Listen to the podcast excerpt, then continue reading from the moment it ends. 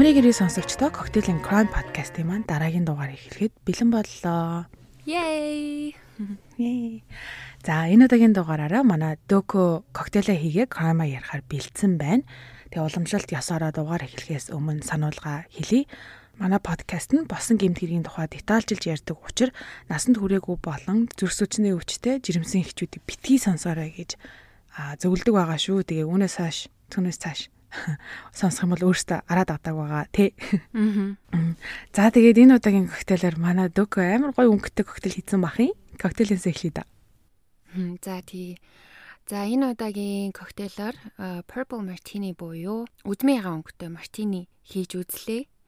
Тэгээд хоёлынгийнх нь урд нь ярьж исэн одоо нөгөө жор гэх юм уу тий орцууд бүгд ордсон байна. Бас маш энгийн болохоор нь хийж үзлээ өнгө нас их гоё гардг юм байна. За орцонд болохоор цагаан арх орж байгаа. Cranberry juice буюу цангис жимсний juice. Тэгээд нөгөө нэг айгуу гоё цэнхэр өнгөтэй коктейльний сироп байна штэ тий. Blue curacao ордог. Аа тэгээд дээрэс нь Sprite юм уу? Тийм өнгөгүй хийж үлсэн ундаа орд юм байна. Цагаан архаа хоёр төрлийн жүүстэйгээ сэгсрэгчэнд хийж хольж сэгсэрж агаад аягандаа хийгээд тэгээ дээрэс нь хийж үлсэн ундаагаа хийгээд утгаал чимэглэл болоо юм байна. Зүг зүг. Гой өнгөтэй гой коктейлийн. Тийм жирн сайн жирнэлиагаа өнгөн сайн гарч өгөхгүй байх юм бол нөгөө цэнхэр өнгөтэй аа curacao хийгээд жоохон нэмчээр өнгө нь бас гоё болтгол юм байна. Аа. Хойлоо ч ойрд амар гой гой өнгөтэй юм хийгээд ах юм аа. Хоёлоо ч яг чи ойрд амар их гой гой өнгөтэй юм хийгээд байх юм аа. Харин нэг э, эргүүл харсан чи дандаа хоёлаа нэг оранж өнгөтэй, нэг бол улаан өнгөтэй нэг тийм юм хийд юм биш үү читэй орч. Тэгээ хаяа нэг цэнхэр юм орж ирц тэгээд за зөөр одоо хийгээгүй өнгө юу вэ гэж одоо хайсан чинь харин их амархан юм гараад ирлээ. За амин часан гоё өнгөтэй гоё амттай коктейл хийсэнд баярлаа. Одоо тэгээд гол зүйлдээ орё доо. За шууд хэрэг рүүгээ орох уу? За тийм. Окей. А энэ удаагийн хэрэг бол өстой миний хувьд бол маш сонирхолтой хэрэг байсан. Эхлээд яхаа яг үнэндээ бол нэг сонсчод би тоогоогүй л дээ за энэ юу солиороод байгаа ингэж одоо хайцсан бисэн. Тэгээ дараа нь яг энэ тухай ингээд а тэгээ энэ энэ хүмүүсийн ярьж байгаа юм яг юу юм бэ гэдгийг ингээд жоохон уншаад үтсэн чи амар сонирхолтой санагдаад тэгээ дахиад нөгөө хэрэгээ үтсэн чинь бас амар боломжтой санагдаад ингээ шал өөр нүдээр үзсэн ахгүй юу. Тэг ингээд одоо айгу ойлгосон гэх юм уу. Тэгэхээр одоо миний ярих байгаа юмыг бүгдээрээ айгу тийм шүмжлэхгүйгээр open minded сонсон шүү заяа. Амар сони юм ярих байгаа болохоор гэхгүй. Тэгээ дараа нь угаасаа ингээд тайлбарууд нь явна. За энэ хэрэг маань Америкийн нэгдсэн улсын Аризона мужид болсон хэрэг байгаа. Тэгээд хэрэг бол яг 97 онд болсон бөгөөд одоо хэдүүлээ яг тухайн оны Falater гэдэг гэр бүлийн байдалтай танилцъя. За Scott Falater гэдэг 41 настай залуу эхнэр Yarmila болон охин Megan хүү Michael-ийн хамт Аризона мужийн Phoenix хот орчимд амьдардаг байсан.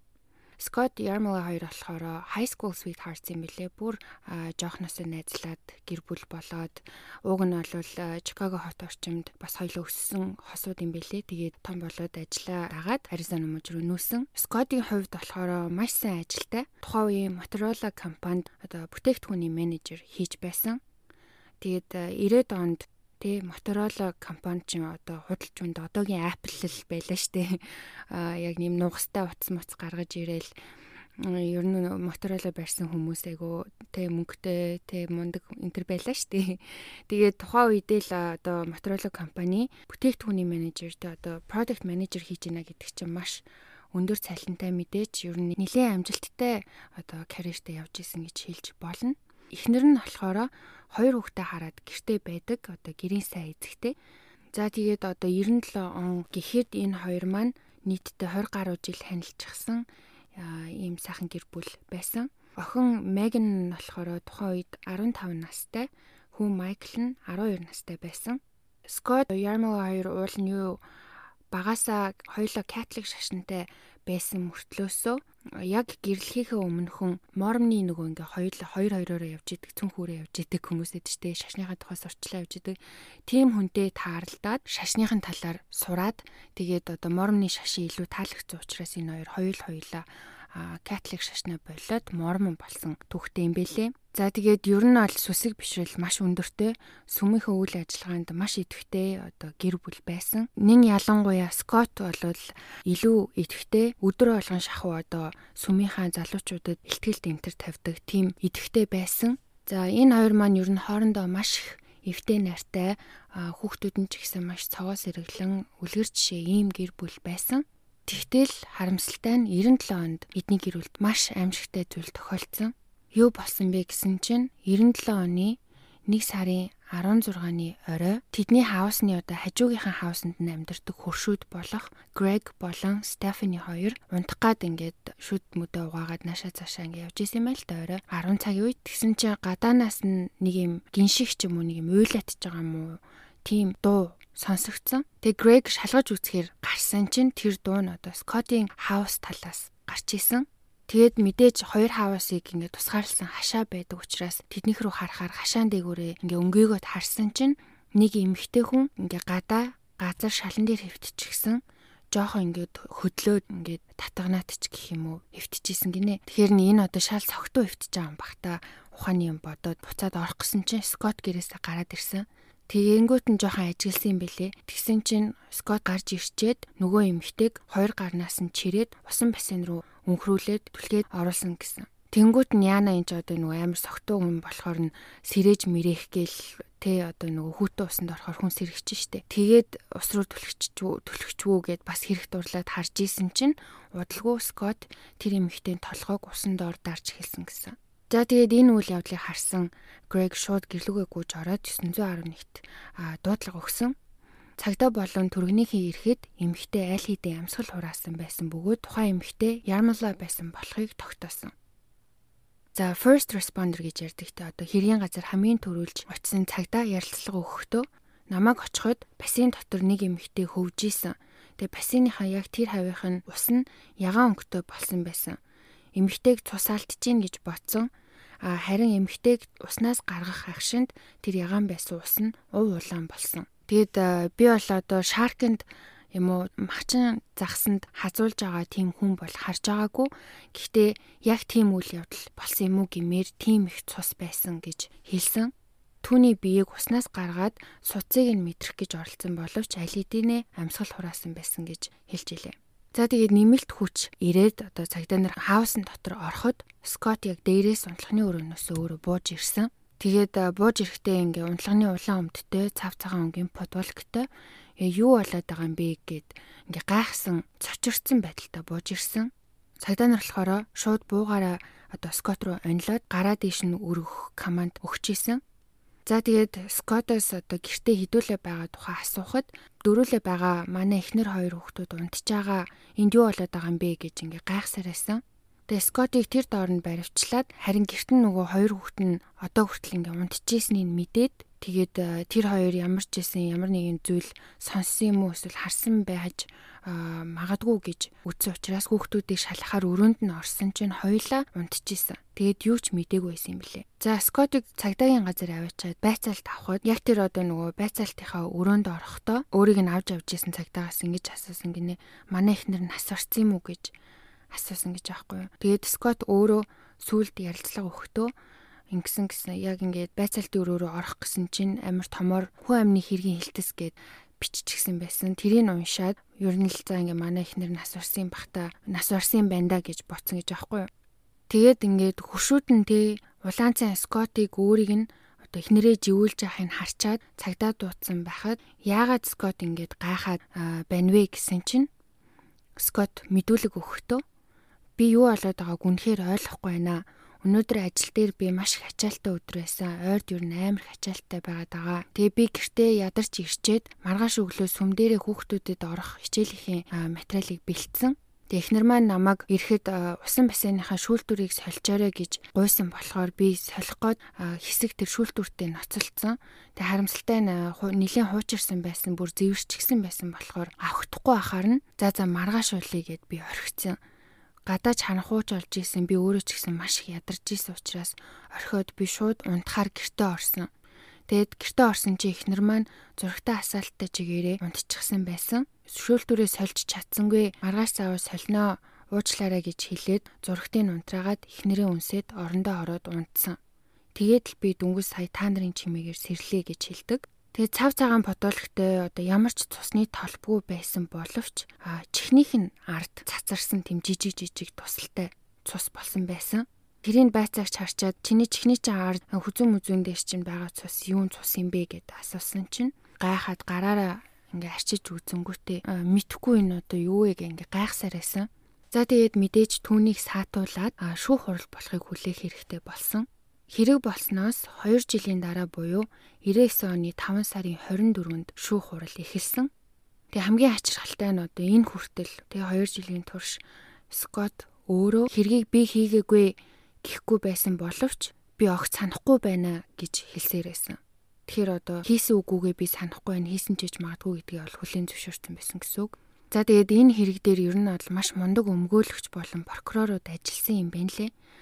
Хэргийн прокуророор нөгөө бидний мэдэх Хуан Мартинес буюу одоо нөгөө Жори Эрисын хэрэг дээр ажиллаж исэн. Прокурор энэ хэрэг дээр бас ажилласан. За тэгээ шүүх хурал эхлэхэд энэ хэрэг олонний анхаарлыг маш ихээр татсан. Тэг хэвлэл мэдээллийнхэн бас маш олуулаа тий одоо шүүх хурал болох болгонд олноороо ирж оролцож исэн. Яагаад вэ? Яагаад ингээ олон хүмүүсийн анхаарлыг амар татсан бэ гэсэн чинь Скотийн өмгөөллийн баг нь маш хачирхалтай шалтгаанаар Скотыг буруугүй гэж нотлохоор ажиллаж исэн юм байна. Тэгээ тэр нь яг ямар шалтгаан байсан гэж? Ямар? Аа Скот хэргийг үлдчих явах үедээ унтчихсэн гэсэн тайлбар өгсөн. Харин тийм. Sleepwalking? Аа. Sleepwalking буюу одоо нөгөө босож явж зүүдэлдэг үзэгдэл байдаг штэ. Аа. Тийм зүйл тохиолдоод тэгээд ингээ зүүдэндээ их нэрийг алсан болохоор энэ нь санаатай үйлцэн хэрэг биш учраас хүн амны хэрэг бишээ гэж үзэж ирсэн баг. Тэгээд энэ дүнгийн сая энэ сүүлийн өгүүлбэрийг бараг сонсоод хүн болгон аа юу яриад байна гэж бодсон баг тий. Аа бүр what? Харин би бас яг тэгэж бодож ирсэн байхгүй. Босож зүүдэлж явахдаа хүн аална гэхээр хүн болгон мэдээж гайхаж байгаа бах тий. Аа. Би бол тэ хизээ сонсож байгаагүй юм байна. Наад чинь бүр За алуу. А хөргөслүүлээд яриараа. Хурдан яриа, хурдан яриараа учрыг нь олъё. За тэгсэн чи харин жинхнээсээ яг ийм зүйл байдаг гинэ. А гэхдээ мэдээж маш ховор тохиолдол гэхдээ байдаг нь үнэ.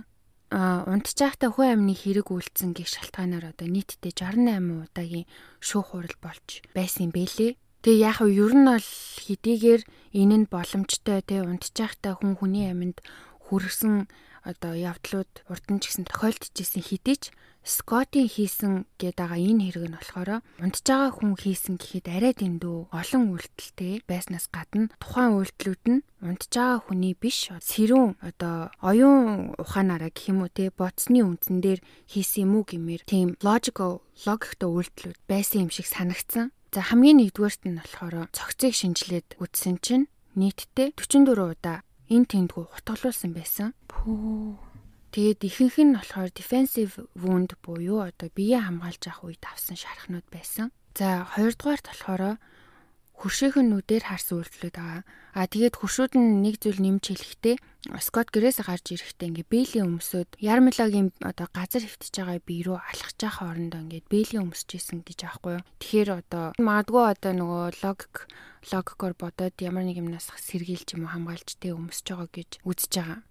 За 3 дугаарт болохоор цагтаа нар хэргийн газарт нэгжлэг хийж авах үедээ Скотийн машинаас нь маш том эд мөрийн баримтууд олсон. Машиных нь багажинд нь хогны уутанд хийчихсэн Tupperware гэж ярьдаг штэ. Одоо хоол хийж авч явдаг тийм тагтай савнууд байдаг янз бүрийн хэлбэртэй. Тийм том савнд өөрийнхөө цустай футболк, цустай джинс болон хэрэг үйлдэхэд ашигласан цустай ангийн утга зэрэг зүйлс олцсон. Бас тэр дотор нь оймс болон шүдний хамгаалалт энэ төр байсан гэж хэлсэн. Энийг тайлбарлахдаа тий унтж байгаа хүн, зүүдэлж байгаа хүмүүс юу хийж байгаагаа мэддэггүй учраас ер нь юм нуухыг мэддэггүй гинэ. Ерөөсөө тэгэж одоо буруу юм хийж байгаа гэж боддгоо тэрийг мэддэггүй учраас юм нуун гэсэн тийм инстинкт байдгүй юм байна л да. Тийм учраас ихэвчлэн ийм үйлдэл гарах нь маш ховор, бараг non existent гэж аахгүй бараг байдаггүй. Дөрөвдүгээр болохоор прокурор талаас авчирсан sleepwalking expert буюу одоо ингэж явж зүудлэх талаар мэрэгсэн эмч авчирсан. А тэр хүн юу гэж хэлсэн гэхээр хэрэг эхлэхээс дуусах хүртэл ингээд тооцоод үзэхээр 45 минут хэрэгтэй болж байгаа. За тэгээд э, хуршүүдийн хэлсэн деталь, Скотти өөрийнх нь хэлсэн болон одоо хэргийн газрын байдал гээд бүх зүйлийг ингээд нэг нэгэнгүү бичээд чагсаагаад энэ бүхнийг нийлүүлээд яг юу болсон байж таарах вэ гэд тухайн эмч чагсаалт гаргаж бичсэн байгаа. Тэгэхэд нийтдээ 64 өөр төрлийн үйл явц болсон гэж үзсэн. Жишээ нь бол Скотт өөрийнх нь мэдүүлэхтэй болохоор ингэж хэлсэн байдаг. Унтахтаа пажамага буюу одоо унтлагынхаа хувцсыг өмсөөд унтсан гэж хэлсэн. Тэгээд нөгөө цагдаа нар ирэхэд пажаматайгаа бууж ирсэн штэ. Гэтэл пажамаа цусгүй байсан мөртлөө өөр цустай джинс болон подолко өмс зэрэгцүүлс олцсон. Тэгэхээр унтжах хоорондоо дор хаяж хоёр удаа хувцас солисон болж таарж байгаа. Орондоо орчоод сэрээд подолк джинсээ солиод одоо ярмлаг хутгалчаад хувцаа нуучаад буцаад пажамагаа өмсөн болж таарж байгаа. Тэгэхээр ингээ хоёр удаа хувцас дор хаяж сольсон баг. Үнийг мэдээж 44 удаа хутгална гэдэг чинь ямар их цус цацрах ёстой билээ. Тэгээ өөр дээр нь ямар их цус байх ёстой вэ? Одоо дээрэс нь иргэн тойрон хохирогч хүртэл өөр ингээд ер нь бол усан сан дотор байсан мөртлөө ингээд усан сан тэр чигтээ цус алсан гэхээр ямар их цус алдсан билээ. Тэр өөр дээр нь хэдийн хэмжээний цус байх нь рууг нь бол тодорхой. Гэвч огт цусгүй байсан ганцхан нөгөөний чихнийх нь ардл цус байсан штэ. Тэгэхээр усанд орсон гэж үзэж байгаа унтчих та штэ. За тэгээд бас ингээ байцаалт авах га тэр шөндөө цагдаа хэсэг дээр очиход гарн дээрээ ингээ лент наацсан байсан. Шархны лент. Тэгээ энэ наа чи юу шархны лент вэ гэсэн чи өөрөө ч мэдэхгүй би мэдэхгүй байна ингээ онгойлгоо утсан чинь өөрийгөө ингээ шархтуулсан байсан. Жижигэн зүсцэн. Гэх мэтчлэн одоо усанд орчихсон гарныхаа шархан дээрээ хүртэл ингээ бент наацсан тий. Ийм олон төрлийн логикоор бодох ёстой ч юм шиг ийм үйлдэлүүд хийсэн байгааз. За тэгээд түрүүн хэлсэнтэй нөгөө явж зүудэлж байгаа хүн юм нуух тийм инстинкт байдгүйгээд тэгээд энэ эмч бас тэгж хэлж илээ. Явж зүудэлж байгаа хүн бол ер нь юмыг ингээд буруу газар байршуулна те буруу газар тавьж ингэж яануу гэхээс биш ямар нэг юмыг нуух тийм үзэгдэл бол байдаггүй гэж хэлсэн. Гэтэл Скотт те нөгөө цустай хувцаа бүр ингээд нуух нуухта хоолны хайрцагт хийгээд бүгдийг ингээд эвхэж хуйлаад хийгээд дээрэс нь тэр хайрцагаа хогны утанд хийгээд тэнгүүтээ машиныхаа багажинд нуусан байгаа штеп. Дээрэс нь нөгөө нэг хуршүүдийг харсан бэйли цустай бэйлийн хаанаас олцсон гэсэн чинь бас хогны утанд хийгээд машиныхаа багажны бүр нөгөө цапаас дугуй байдаг нүхвэ штеп те бүр юм онгойлохоор цапаас дугуй байдаг. Тэрэн дотор хийсэн байсан гэж байна. Тэгэхээр бүр ингээд амар ууй гэж бодож нуусан байгааз Бас нэг том поинт хэлсэн нь болохоор явж зүүдэлж байгаа хүн бусдад хүч хэрэглэх тохиолдолд дандаа одоо өөрийнх нь замд саад учруулсан юм уу сэрэх гэж оролцож оролцсон тийм хүнийхээ эсрэг янз бүрийн үйлдэл хийх юм байна л та. Өөрөөр хэлбэл хин нэгнийг санаатаагаар хохирохоор те барьж авахаар гүйж очиж цохиж зотхоор ч юм уу тгийж хайж явдаггүй гинэ. Тэгэхээр За яг уу тэр ихний халдлага буюу одоо хутгалах үед үнэхээр зүүдэндээ явж яхад нь эхнэр нь сэрэх гэж оролдоод ч юм уу эхнэр нь ойр хавдна одоо яагаад чинь те байгаад замд нь саад болцсон байлаа гэж үцхэд хоёр дахь халдлага буюу нөгөө ус руу хийж толгойг нь доош нь дардаг явдал нь энэ бол sleepwalk хийж байгаа хүн мөн үү биш үү гэж эргэлцэхэд одоо хүчтэй нөлөөлж байгаа гэсэн. Яагаад тэгэхээр мэдээж хуршууд нь чарсан штэ тэр юм битээ ингээд газар тэг ам тэмцээд ингээд татганаа твтчихсэн хүн хизээч дахиж босч очиж тэр хүний замд ч юм уу гай болохгүй. Тэгэхэд өөрөө скор эмхтэн бие дээр хурж ирээд ус руу түлхсэн штэ. Тэгэхээр өөрөө буцаж очиж атак хийсэн гэхээр сэрүүн байсан нь ойлгомжтой гэж тэр юмч ярьж исэн. За харин одоо өмгөөллийн баг болохоро явж зүүдлэх тал дээр салбартай бүр тэргүүлэгч бүр тэгээ бүр хамгийн шилдгийн шилдэг ялангуяа юм homicidal sleepwalking буюу явж зүүдлж ах хоорондоо хүний амьд хүрсэн кейсүүд дээр ажиллаж исэн туршлагатай. Бүр энэ тухай ингээд сурах бичиг хүртэл бичиж исэн ийм мундаг хоёр мэрэгчлэлтнийг авчирсан. Тэгээ энэ хоёр бүр яг энэ хэрэгээс хэдхэн жилийн өмнө Канадад болсон нэг хэрэг дээр очиж урилгаар очиж ажиллаад тэгээд хэрэгтнийг хэрэгт буруутай юу үгүй юу гэж одоо шүүжсэн залууг буруугүй гэж хэрийг нь хааж чадсан хоёр мэрэгчлэтнүүд тахгүй юу. Тэгээ тэр бас амар interesting айгүй сонирхолтой кейс элэ. Тэр залуу яасан гэсэн чинь зүүдэндээ заяо босоод машина бариад хадам аав ээж их рүүгээ машинаараа очоод хадам ээжийг хаалаад хадам аавгаа шахтуулсан тийм хэрэг болсон. Тэгэд энэ нь яг жинхнээсээ sleepwalking хийж исэн гэдг нь батлагдаад тэр залуу санаатаагаар биш одоо санаандгүй үлдсэн хэрэг гэж үзсэн учраас а буруугүй гэд хэрэг хаагдсан юм билэ. Хм. Сонирхолтой. Харин тийм. Тэгээ энэ хоёр бол одоо ингээд Скотийн талд байгаа хгүй юу. За тэр хоёрыг хилж байгаагаар болохоор Скотийн ээж нь яхаа бас хэлсэн юм байна л да. Багада үе үе ингээд явж зүудэлдэг байсан. А хурмынхаа өмнөхөн бас нэг явж зүудэлж байгаа сэрэх гэсэн чинь намайг бүр ингээ аваад шидчихсэн гэд энэ тухай энэ хоёр бол ингээд э, дурджилээ. Одоо юу гэдэг багасаа л ингээд зүудэлдэг байсан гэдгийг ингээд хэлж байгаа гэх юм уу. А мөн одоо тухайн хэрэг гарсан өдөр Скот ажлын тэ маш ачаалтай стресстэй дээрээс нь өглөө нь одоо нөгөө сүм дээр хичээл орно гэд маш их ядарсан орондоо ороод орондоо орсон учраас ер нь босч зүудэлсэн байх нь өндөр магадлалтай. Тэгээ яг тэр өдөр юу болсон талаар энэ хоёрын таамаглал нь болохоор ингэж аа. Зүүдэндээ эхнэрийнхээ хэлснээр нөгөө бассейныхаа шүүлтүрийг солих гээд тэрийгээ солих ёстой гэд ингээ ботцсон байсан болохоор үргэлжлүүлж хийж эхэлсэн. Тэгээ ер нь бол sleepwalk хийж байгаа хүн хийж дуусаагүй байсан юм а зүүдэндээ үргэлжлүүлж хийх тохиолдол маш илбэг байд юм байна. Тэгээд нөгөө фильтрээ те ингээд солихгой байж ахт нь эхнэр нь гинт сэрээд нөхөр нь хажууд нь байхгүй байгааг мэдээд мэдээж хайн штэ те хайчж үгээр. Тэгэхэд пүүл дээрээ байхад нь зүүдэлж исэн үгүйг нь мэдсэн ч бай мдээгүй ч бай мэдээж нөхөртөөгөө одоо интеракт хийн штэ. Юм ярих гэж үзэн те хөө буцаад одоо унтиа орой болсон байх ч юм уу яач бач юм уу те ингээд. Зүгээр л ингээд наа зах нь мөрөн дээр нь зөөлхөн хүрсэн ч байж болно гэж аахгүй юу Тэгэхэд Скот мэдээж унтж байгаа хүн болохоор sleepwalk хийж байгаа учраас эхнэрээ танихгүй тэгээд ингээ гадны хүн байна гэж бодоод дайралт хийж эхэлсэн байх гэж үзсэн. Тэгээд энэ хоёр тайлбарлахдаа sleepwalk хийж байгаа хүмүүс ер нь бол хүний царай таньдаггүй гэж хэлсэн. За ийм үйл явдал болсон байх гэж тайлбарсан. А Скотиг бас өмгөөлж хамт хоригдчихсэн хоёр хоригдол мөн үг хэлж илээ. Уг нь бол хамт хоригдож байгаа хүмүүс ихэвчлэн тэ снич хийж нэнийг матаж гэх юм уу тэ прокурор тал янз бүрийн мэдээлэл одоо нууцаар өгдөг тэрнийхээ хариуд шан төлбөр авдаг тиймэрхүү зүйл маш их болдог штэ. Ер нь л одоо хэрэгтний тал орж өмгөөлж байгаа үзэгдэл бас маш ховор байдаг юм байна л та. Тэгсэн чинь тэр хоёр Скотийн талд орж хамт байгаа хоорондоо явж нилээд зүудэлсэн. Ер нь ингэж явж явж зүудэлдэг гэдэг нь бол үнэ гэж шүүх хурлын үеэр үг хэлсэн. Мөн одоо Скотыг өмгөөлж исэн бас хоёр хүчтэй гэрчүүд байсан нь түүний хоёр хүүхэд байсан. Тэгээд ерөнхийдөө бол аав ээж хоёр нь жоохон байхаас нь л маш тийм одоо loving те би биэндээ маш хүнд итгэлтэй харилцдаг. Хизээч нүдэн одоо тэр хоёр хүүхдийн өмнө хэрэлдэж муудалцаж зодтолж байгаагүй. Хүүхдүүд рүүгээ зодох байтугай одоо ойрлж хашгирч ч үзээгүй. Ер нь ингээ хэрүүл урал бараг байдгүй юм аз жаргалтай гэрүүл байсан гэдгийг хоёр хүүхэд нь наталсан. Аав нь бол хизээч ялангуяа бол ихнэрээ ингэж алах хүн бишээ. Маш мундаг, ухаантай, даруй төлөв, нам дуутай ийм хүн одоо mild mannered гэж ярьдэн штэ айгу тийм даруу гэхээс илүү ер нь юм 50 хүн байсан гэдгийг нь онцолж ярьсан. Өмгөөлийн багт бол нэг ашигтай ч юм уу тий тал нь энэ хэрэгт ерөөсөө ямар ч олигтой motive буюу хэргийг үйлдэх болсон шалтгаан огт байгаагүй.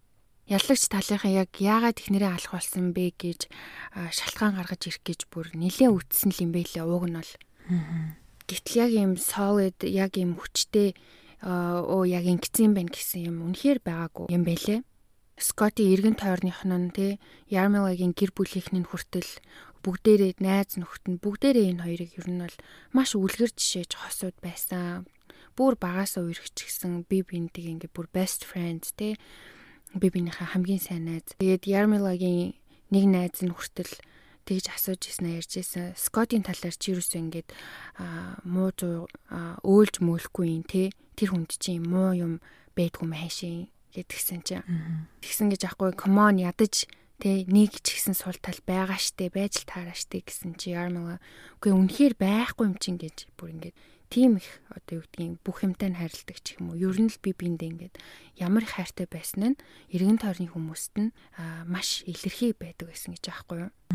За тэгээд дээрэс нь ян зүрийн нэг нэгнийхээ араар нь тавьсан зүйл гарч ирээгүй. Одоо юу гэдгийг ямар нэг хамтаа ажилдаг хүн ч юм уу а ямар нэг холын ингээ ховлчих хүн гарч ирээгүй те өн чи энтэй ингээд ингээд ийм асуудалд ороод мараад гээд ингээ хүн гарч ирээгүй энэ 2 3 жилийн хугацаанд а ямар нэг тийм suspicious тэ ямар нэг хайрын захаа янз бүрийн юм тийм юм бас байхгүй олдоогүй тэгэхээр нэг нэгнийхээ бол араар тавьсан зүйл байгаагүй юм шиг байгаа мөнгөний асуудал байгаагүй энэ чинь маш мундаг ажилтай хангалуун сайхан амьдарч исэн тийм янз бүрийн нууц амьд атгал энэ төр бас гарч ирээгүй гэж аахгүй. Тэгээ ямар ч юм ер нь бол мотив олж чадаагүй.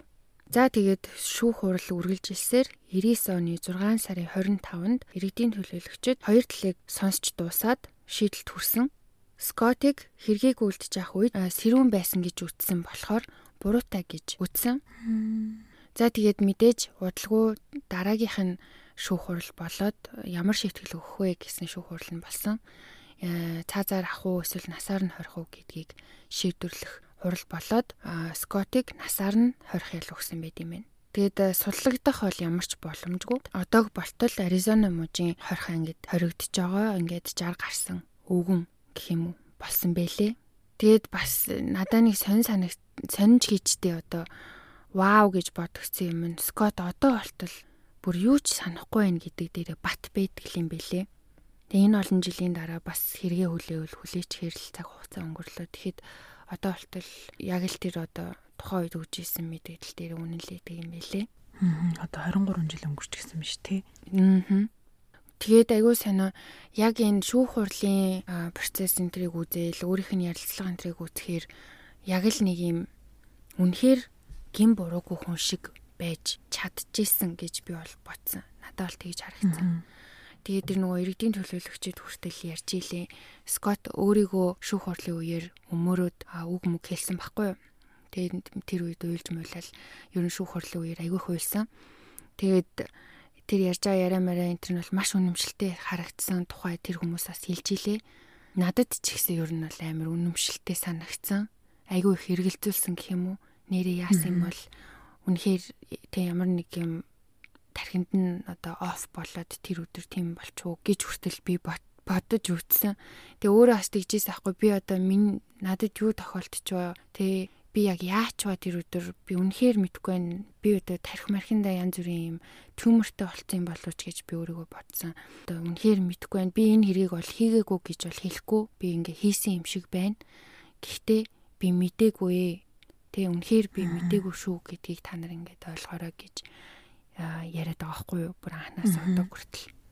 Тэгээ тэр нь бол яг уу яг энэ одоо sleepwalking-ийн тухай амар сайн мэддэг экспертүүдийн яриа мариаг ингэж харьцуулж үзээгүй бол би болж баг худалж уншууд итгэхэр л сайн л ярьж илээ. Одоо жүжиглж ин гэхүү яаж ин гэхүү үнэхээр мэдэхгүй юм. Тэгээд аа юу урд насаа ярьжсэн те 2020 гэдэг ABC гэдэг сувгийн юм э, нэвтрүүлэг байдаг.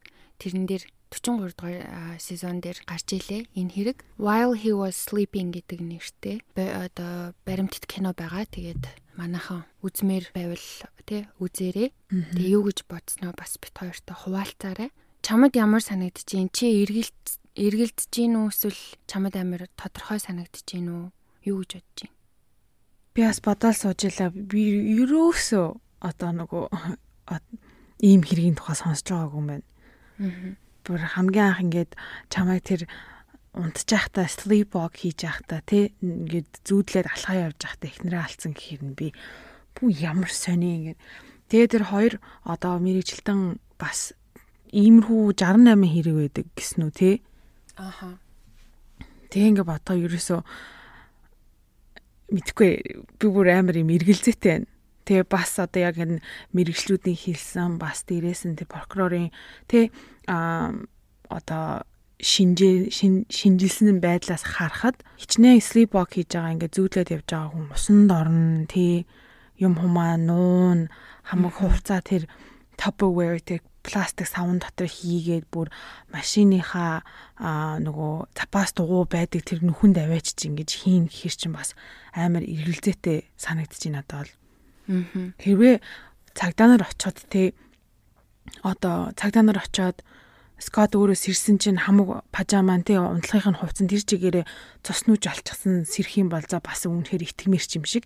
Яагаад гэвэл мэрэгчлүүд мэрэгжилтэнгүүд угаасаа тэр ажиллаараа мэрэгч мэрэгччихсэн тий олон жил ингээд судалчихсан болохоор мэдээж тэдний үгийг сонсон дээ. Тий sleepwalk хийдэг хүмүүс хизээж ингэдэггүй юу юмыг буруу зүг гэдгийг нь мэдэхгүй болохоор ингээд скотчиг хамаг юм нуун гэж байхгүй гэлсэн шүү дээ шүү хурал дээр. Тий. Тэгэхээр ер нь бол Скот хийцэн байж магадгүй гэж надад ер нь бол бодогдож байна. Аа. Бүр усанд ороод ямар ч цус нүжгүй цэвэрхэн пажаматай сэрсэн тий. Тэгэхээр ч амар эргэлзээтэй асуудалтай болоо явчихж байгаа байхгүй. Тэгээ бас бодож ила. Энэ хоёр чинь нөгөө нэг LSD Mormon Church-ийн бас сүмтэй бас холбоотой байсан гэдгсэн тий. Тэгээ урдныхаа хоёулынгийн ярьжсэн дугаар дээр маш олон дугаар дээр LSD сүм гарч ирдэ штэ.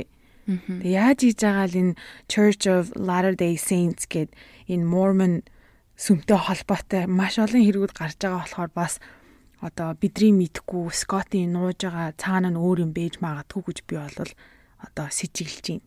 Аа. Ажистэй ямар амар эргэлзээтэй кейс вэ? Тэгээ би бүр өстө хизээж юм кейс сонсож байгааг болохоор би бүр өөрөө бүр сая сонсож байгаадаа бүр толгойг ашиглчлаа. Тэгээд ер нь энэ нөгөө унтчихта босож явдаг, ярддаг тэгснээ тэр нөгөө Канадад нэг залуугийн хэрэг болсон гэж би түрүүний хальт ярьсан шүү дээ. Машин бараа явцсан гээд. Тэгээд энэ минийг сонсчоо бүр амар гайхаад машин одоо унтчихта барин гэж юу идэм бол гэж бодоод аа нэг хэдийн уншиж үзээхгүй юу. Тэгсэн чи яг уу ерөнхийд нь товчлоод базаад хэлэхэд ийм байдаг гинэ. Аа хүн унтчих хооронд тархины зарим нэг одоо унтчих хэвээр хэсэг нь сэрүүн. Тэгээ бусад хэсэг нь ингээ унтаагаараа байх юм бол энийг парасомния гэдэг зүйл болж байна гэж үздэг гинэ. За тэгээд энд нь юу юу болж болдог вэ гэхлээр унтж байхдаа босож явах, ярих, идэх, машин барих Тэгээ бүр цаашлаад сексомния буюу одоо унтчих хоорондоо бэлгийн харилцаанд орох хүртэл үйл явдлууд болж болдог гинэ. Тэгээд мэдээж одоо энэ бүх зүйл унтаж байх үед буюу одоо манайхны ярьдгаар тэг зүүдэндээ болж байгаа учраас сэрээд бол тухайн хүн энэ үйл үйлдэлүүдэд сандаггүй. Нэг юм хөвшил болцсон ер нь бол үйлдэлүүдээ хийх хийх нийлбэг байдаг гинэ. Рутин болцсон те одоо юу гэдэг юм босоод шүдам угаагаад ингээд ингээд явж идэг ч юм уу. Нохоо муура хооллдог ч юм уу юм рутин болцсон өөрийнх нь зуршил болцсон үйлдэлүүдийг хийх нийлбэг байдаг. Учираас энэ машин барьдаг чинь бас тэрнтэй холбоотой юм байна л та нэг газар руу байнга ирж очдог болчдөг одоо бодохгүйгээр машина барьдаг болчтой штэ. Одоо жишээ нь ажилласаа гэрийнхээ хооронд ямар ч газрын зураг харах шаардлагагүй. Хаана ямар гэрлэн тохио юу бүгдийг мэдчихэж байгаа учраас ингээд юу ч бодохгүй яваад өгдөг штэ автоматар заримдаа тэгээ тэр тэрнтэй холбоотойгоор ингээд унтчихта тэр одоо тэртлэн сэрсэн байх юм бол гэх юм уу? Тийм үйлдэл хийх боломжтой байдаг. Гэж байна агуу сонио Тэгээд э, яг энэ одоо sleepwalking ч юм уу ерөнхийдөө энэ унтах талаар тий хүний нойрны талаар судалгаанууд маш их байдаг ч гэсэндээ яг ийм тоочно юм бас айгүй ховор идэм байна. Хоёр дээр нэмэх нь хоёр тэнцүү дөрөв гэдэг шиг бүр ийм бүр яс юм бол бас их ховор байдаг. Бас л одоо хөгжиж байгаа салбар юм байна л да одоо хүртэл. Тэгээд э, хүн ер нь ягаад sleepwalk хийдэг, sleepwalk хийдэг юмны одоо э, trigger нь юунд байдیں۔ Тэ юу өдөөдгийн энэ төр гэснээр бас янз бүрээр тайлбарлагддаг. Яг ийм юмнаас болдог шүү, яг тийм шүү гэж бол гисэн юм бол байдгүй юм бэлээ. Тэгээ яг одоо энэ кейсээс бидний юу сурч сурах боломжтой юуг одоо сануулж хэлмээр байна гэхээр ер нь бол унтчихтаа ингээд босч явж байгаа хүнийг хамаагүй сэрэж болохгүй гэдгийг дахиж сануулж байгаа хэрэг боллоо гэж бодож байна. А яагаад тэгэхээр унтж байгаа хүнийг сэрээх ч юм уу биед нь хүрэх үед яг тэр хүнлүүгээ ингээд буцаж дайралт хийх За тэгээд тэр дайралт нь маш хүчтэй, биенээс нь бас маш их хүч одоо гарч болох боломжтой. Тэгээ бас яг юу хийх нь мэддэхгүй ер нь айгүй тийм апасны хэл юм байна л та. Тийм болохоор ер нь биеийн минд нь хүрхгүйгээр холоос янз бүрийн чанга чимээ гаргадаг ч юм уу, орилдог ч юм уу тэгэж сэрэх гэж оролдох хэвээр гэж байлээ. Тэгээд босоод явж байгаа хүнийг мэдээж сэрэхгүй гэрээ биеинд нь хүрхгүйгээ сэрэхгүй байж бас болохгүй. Ингэж явж байгаад одоо гэрээсээ гарч яваад ч юм уу тагтан дээрээс өсрээд одоо амнасаа алдсан хүмүүс бол маш их байдаг. Гадаа гарч байгаа гүүрнээс унаад усанд живээ өгсөн хүмүүс ч маш их байдаг. Тийм учраас мэдээж сэрээхэн зөв гэтээ зөв сэрээх учраа олох хэрэгтэй. Тэр нь болохоор холоос янз бүрийн тэ дуу аваа гаргаж ч юм уу одоо юм шидэж ч юм уу сэрээ гэсэн дээр гэж зөвлөж илээ. Аа тэгээ бас нэг юм сонссон. Тэр нь яасан гэхээр одоо нөгөө нойр муутай хүмүүс нойрны им уудаг болоод ирэхээрээ хамаагүй нойрны юм бас айгүй апасны юм байна л да. Хамаагүй нойрны юм уучхлаар нөгөө хитрхи гүн унтуулаад тэгэнгүүтээ side effect нь буюу нөгөө хажууд нь гардаг шинж тэмдэг нь бас sleepwalk хийх trigger болж өгдөг тухай ярьж илээ. Тийм болохоор бас имээ сайн зөв сонгож уух хэрэгтэй юм байна. Үнэхээр уух хэрэгтэй бол үнэхээр нойр чи одоо эмгүүгээр хүрдэггүй унтчихаддггүй бол имээ бас зөв сонгох хэрэгтэй юм биш үү? Тэгээд нэг иймэрхүү юм мэдэж авлаа. Наа чи бол амар хэрэгтэй информац шүү дээ. Би бас яг чамайг дөнгөж яриад эхлэхээр нөө наад чинь бас мэдэж авахд бол илүүдэхгүй юм байна. Тэгээд яванда тийм одоо хүнтэй таарах чинь билүү үгүй чинь билүү бас мэдвэштэй зүйлэн.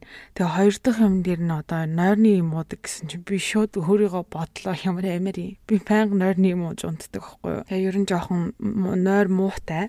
Тэгээ ер нь бол өдөртөө бол яг 7 нартаа ер нь бол 5 өдөр нойрны юмтай унтдаг. Тэгээ одоо юу яхаас дугаараа хийж дуусчаад ямар юмний тухай гэдгийг нь сайн судалж үзгээс гэсэн. Чи тэгтээ танаг гэрт мэр тоноход бол нэг амир босч ирж ирж намайг айлгаж исэн удаа бол байхгүй шүү дээ. Тэгээд гайгүй юм байлгүй дээ одоо болтол юу яаж юм чаа. Аа за за за. Тэгвэл гайгүй юм шиг байна гэсэн нөө.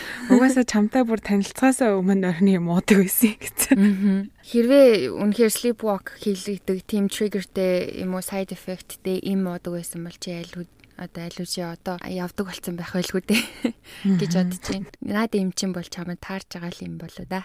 За тийм. За ашгүй ашгүй. Бас хальт сандарлаа штэ бодонгуудаа ээ гэж бодлоо. Вау. Амар амар сонирхолтой хэрэг байлаа. Манай сонсогч нар ч гэсэндээ тэгж бодож байгаа гэдэгт бол би бол итгэлтэй байна. За сонирхолтой хэрэгээсээ илүү миний хувьд бол магийн хувьд бүр амар юу шин мэдээлэл өнөөдөр суурч авлаа энэ имний талаар энэ босоод явдаг зүүдэлдэг хүмүүсийг яаж хэвээх талаар бас дээрээс нь одоо бүр ийм хэрэг маш олон бас 68 гэдэг чинь бас жижигхэн тоо биш шүү дээ. Тийм олон тооны одоо кейсүүд байдгийм байна. Бас бүр энэн дээр ингээд ажилдаг бүр мэрэгжилтэнгүүд хүртэл байдгийм байна. Өнөөдөр бүр амар мэдээлэл ихтэй дугаар боллоо гэж би бол хувьдаа бодож байна. Тэгээ манай сонсогч нар ч гэсэндээ ер нь бол санал нийлж байгаа гэдэгт итгэлтэй байна. Гэхдээ өөр ямар нэгэн зүйл илүү зүйл сурж авсан, мэдэж авсан бол комент секшн дээр бичээд бүгдээрээ бас хоорондоо ярилцгаая гэж уриалмаар байна. За тэгээд уламжлалт ёсоор угаасаа хэрэгтэй дугаартай холбоотой коктейл болон хэргийн зурагнууд манай Instagram болон Facebook дээр орно.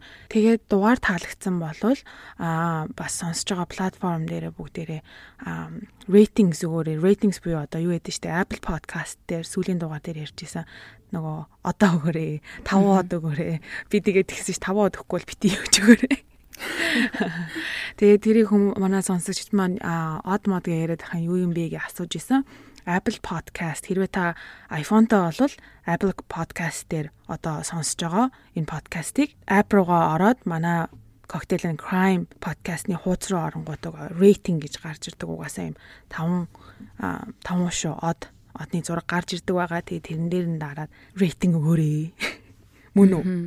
Тий, нөгөө Apple Podcast гэдэг нь угаасаа iPhone утастай хүмүүс цаанаас нь утаснаас нь э, нөгөө ирдэг аппликейшн байдаг podcast гэд бичсэн үзмээ ягаан өнгөтэй тийм app байгаа. Тэгээ тэндээс ер нь бол бүх төрлийн подкастыг шууд сонсох боломжтой байдаг шүү. Мдэггүй хүмүүс нь тийшээ орж бас подкастаа сонсох юм бол айгүй амар байдаг. Тэгээ подкастаа сонсож байгаа хоорондоо өөр аппликейшнуудыг нэгээд ингээд өөр юм хийж ах боломжтой байдаг шүү. Тэгээд тэн дээр сонсдог хүн байвал угаасаа манайхан мэдж байгаа шүү дээ. Cocktail and Crime гэх бичглэр манай хууц гараад ирэн тэгээд улмаагийнхаа хэлсэн шиг доош нь гүйлэхээр тэр нөгөө яриад байгаа тавууд нь байдаг шүү. За тэгээд маш сонирхолтой хэрэг ярьж өгсөн дөгөөдөө бүр дахин дахин баярлмаар байна. Тэгээд тэгээ энэ дугаарыг дуустал нь сонсон хүмүүс чи хэн байдаг вэ дөгөө? MVP MVP нартаа маш их баярлаа. Тэгээд дараа дараагийнхаа дугаараар дахин уулзлаа. Түр баяртай. Bye.